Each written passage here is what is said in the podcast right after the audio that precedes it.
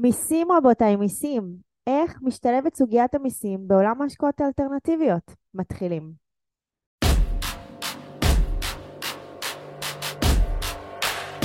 ברוכים הבאים למדברים השקעות עם עמית ואגר.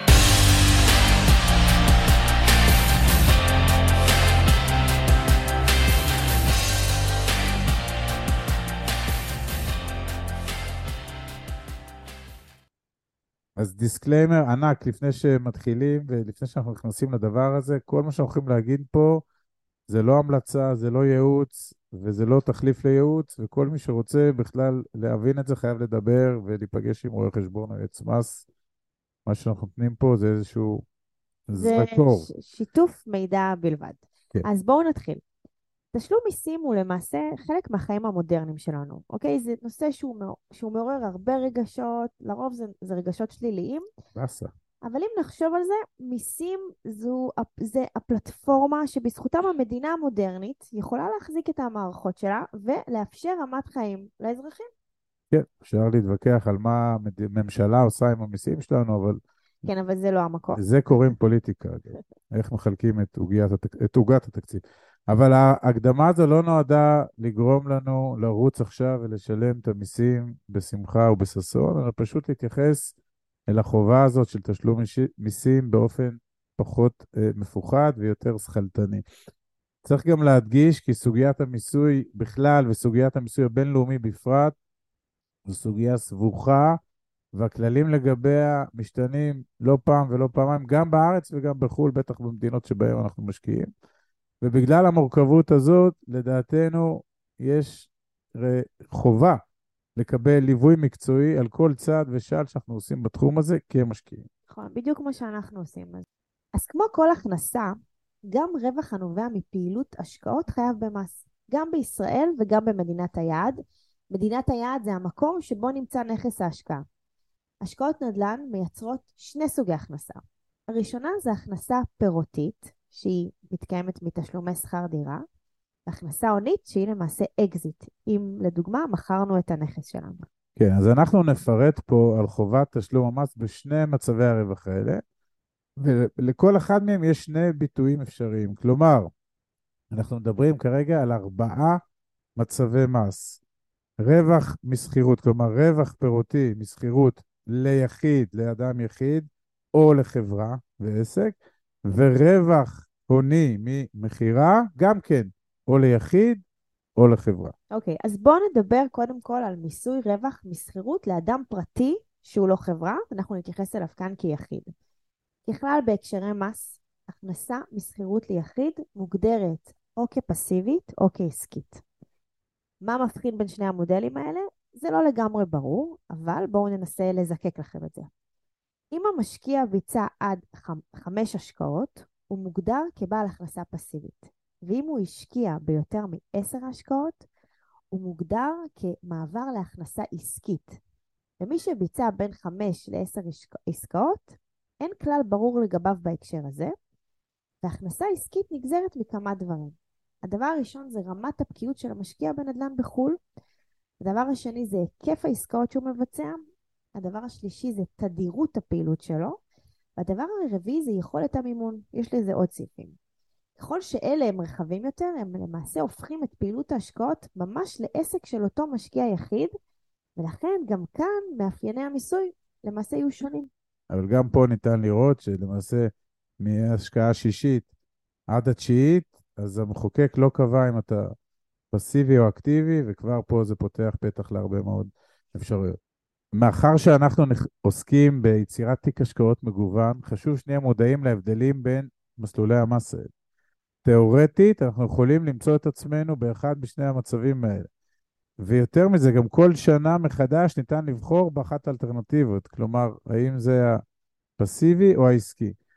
חשוב גם להכיר שככלל, בעסקאות שאנחנו מעורבים בהן, אז יש תוכנית עסקית ומבנה מס שניתן להבין את המס הצפוי שנשלם בסוף העסקה הזאת.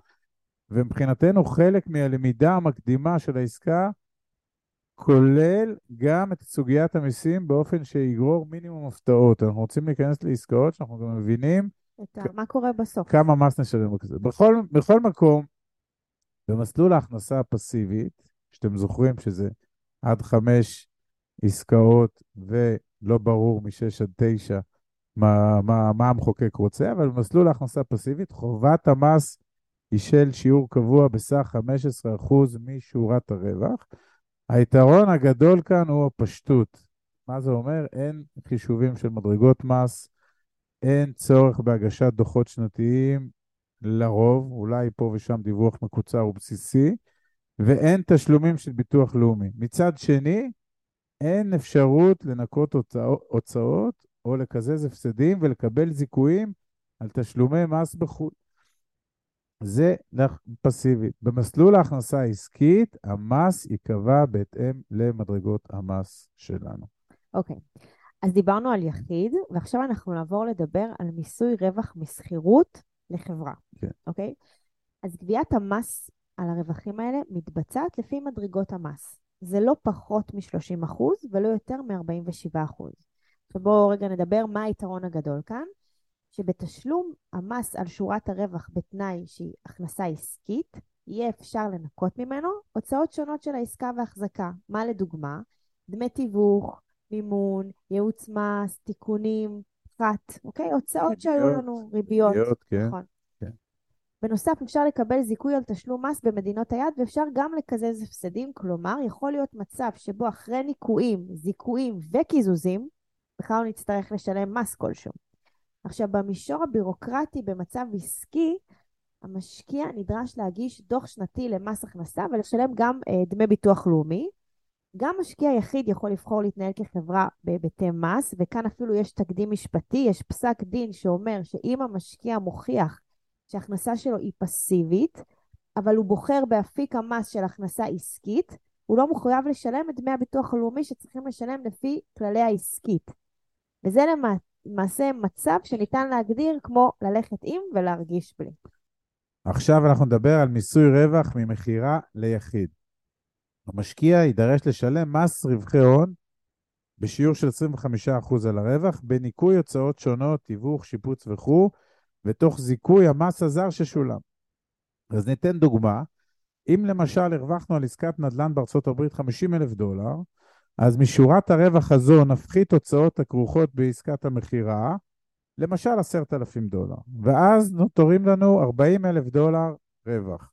מהם נשלם 25% מס, כלומר 10,000 דולר נוספים, ואם נניח שילמנו בארצות הברית 7,000 דולר, אז נידרש להשלים לרשויות המס הישראליות 3,000 דולר בלבד, כיוון שיש אמנת מס בין שתי המדינות. במישור הבירוקרטי יהיה עלינו להגיש דוח שנתי מלא למס הכנסה, כמובן בסיוע של רואה חשבון. עלות של דוח כזה מתחילה איפשהו באזור ה-1,000, אולי 1,500 שקל, ויכולה לעלות, תלוי במורכבות, תלוי בגודל התיק וגודל השומה.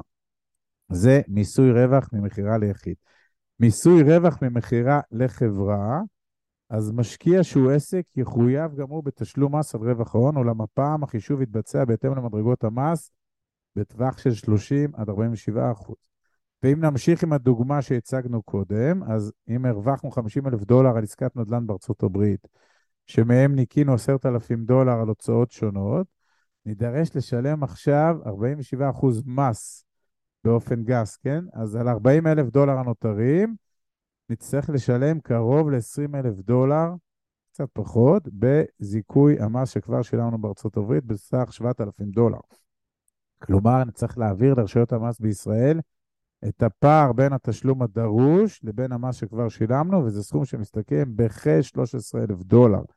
אז במקרה הזה נרשם פער גדול לעומת מס רווח ההון ליחיד, פער לרעתנו כמובן, אבל יש מצבים שהאפיק הזה משתלם יותר, וזה כמובן מתחבר למה שאמרנו קודם, שתלוי איזה דברים אנחנו יודעים, או הרואה חשבון שלנו יודע להתיך לתוך שומת או מדרגת המס הזאת, ולמעשה לצמצם אותה. אבל ברמה מאוד מאוד basic, זה, זה, זה מה שאני צריך לשלם פה.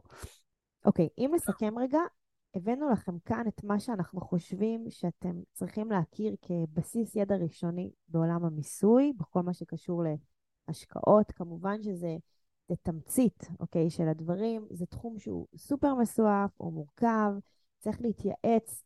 אתם יודעים מה? חובה להתייעץ פה עם איש מקצוע, יועץ, יועץ מס, עורך חשבון. עכשיו, השקעות נדל"ן זה מהלך מצוין להגדלת ההון העצמי שלנו, אבל חשוב, חשוב לבדוק בקפידה את המשמעויות שלהם בהיבטי מס, שזה משתנה, כמו שהסברנו לכם, בהתאם לסוג ההשקעה, לרמת ההכנסה של המשקיע ועוד uh, מגוון גורמים נוספים. הזדמנויות ההשקעה של שחקני האלפא שלנו מציעים לנו מתוכננות בקפידה ושקופות עוד לפני סגירת העסקאות, גם בהיבט המיסויי. אבל בכל אופן, ובהמשך למה שאמרנו, התייעצות עם איש מקצוע יכולה גם להבטיח ניצול מקסימלי של הטבות, ניכויים וזיכויים, והיא יכולה גם למנוע מאיתנו להיכנס למצבים שבהם נצטרך לשלם מס אה, מרבי. הפודקאסט הזה נכתב בסיוע רואה חשבון ועורך דין. ועורך דין ויועץ מס, מר מוטי ארניה. וכמובן, אין לראות בפודקאסט הזה ייעוץ מס, וחובה להתייעץ עם איש מקצוע מורשה בכל ה... הקשור לתכנוני מס. אה, מקווים שזה עזר לכם. בהצלחה. תודה חברים. עד כאן להפעם. כרגיל, שמחנו לשתף בידע ובניסיון שלנו, מקווים שנתרמתם. מי שממש רוצה להכיר ולהיחשף להזדמנויות ההשקעה בהן אנחנו משקיעים, מוזמן לאתר שלנו, תוכלו למצוא הכל שם. אנחנו כמובן גם פעילים בכל הרשתות החברתיות, מוזמנים לעקוב אחרינו. אם אתם מכירים אנשים נוספים שהתכנים שלנו יכולים לסייע להם, נודה לכם מאוד אם תשתפו אותם. להתראות חברים.